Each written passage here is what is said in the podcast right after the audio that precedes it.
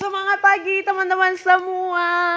Welcome back. Yes, selalu Fitri ini itu semangat ya. Karena itulah ciri khas saya Selalu semangat, tersenyum. Itulah smiling words yang selalu dibagikan buat teman-teman ya. Dan teman-teman hari ini sesuai dengan janji Fitri ini di episode sebelumnya bahwa hari ini Fitri ini mau berbagi tentang bagaimana sih uh, seorang Fitri ini yang bisa nekat buat event, buat acara yang benar-benar lakukan aja gitu loh. Nggak melihat bahwa nanti akan ada orang atau gimana akan rame atau tidak. Dan teman-teman setelah pandemik ini sempat ya di dua minggu lalu eh minggu lalu ya saya mengadakan sebuah sesi untuk benar-benar dibatasi. Karena kita protokol kesehatan kita benar-benar belajar bagaimana bisa percaya diri. Dan di next month juga saya akan mengadakannya untuk lebih spesifik. Dan teman-teman tahu tidak, ternyata di dalam dunia public speaking itu semakin luas dan bisa dibagi semakin spesifik. Apa maksudnya?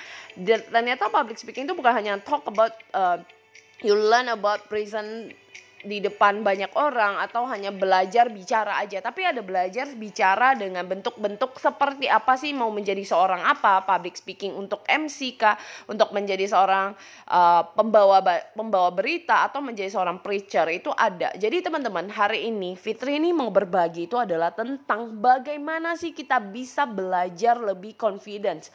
Dan bagaimana sih kita itu perlu banget untuk belajar public speaking. Namun sebelumnya aku mau melanjutkan yang tadi ya, sempat udah aku janjikan di episode sebelumnya. Jadi pertama kali itu gimana pertama kali aku bisa benar-benar membuatnya. Aku berpikir bahwa ini udah dua tahun pasti anak-anak itu juga udah mulai jenuh ya dan orang juga udah mulai beraktivitas di luar apalagi sekolah-sekolah juga udah mulai uh, tatap muka. Nah akhirnya belajar membuat dan saya bersyukur saya sharing sharing sharing promosi. Ternyata sosial media itu berfungsi gitu ya daripada kita share hal-hal negatif. Dan bersyukur ada parents yang saya share secara pribadi dan merespon dengan baik dan mengajak teman-temannya.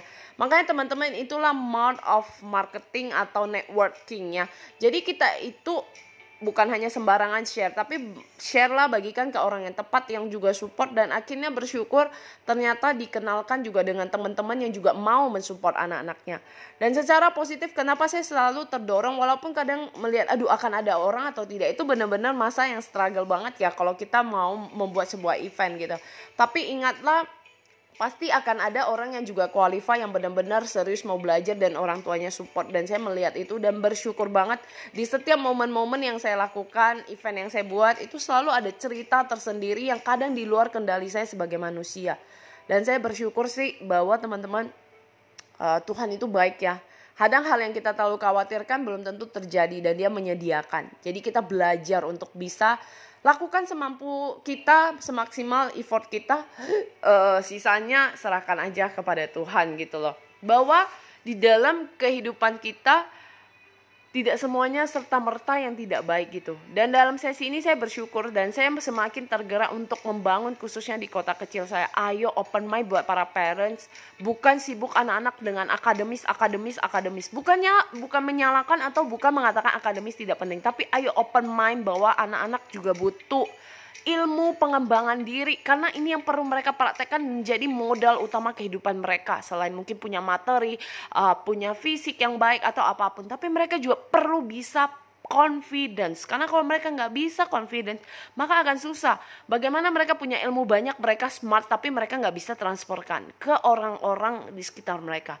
So they need public speaking so much untuk mereka belajar itu semua. Jadi saya berbagi ini bukan untuk menyatakan betapa hebatnya diri saya, tapi saya belajar ya dari diri saya yang tidak pernah dapat ilmu ini. Ayo saat ini punya kesempatan di saat kita sebagai orang tua kita mampu untuk bisa berikan ke anak kita. Mari sama-sama dukung anak kita untuk berkarya dan menjadi lebih percaya diri lagi. Semangat teman-teman, biarlah apa yang saya bagikan terus menginspirasi khususnya buat para orang tua dan juga anak-anak generasi muda. Mari sama-sama berkarya tidak pernah berhenti bermimpi apa pun dan jadikan itu kenyataan. Selamat beraktivitas, have a nice day.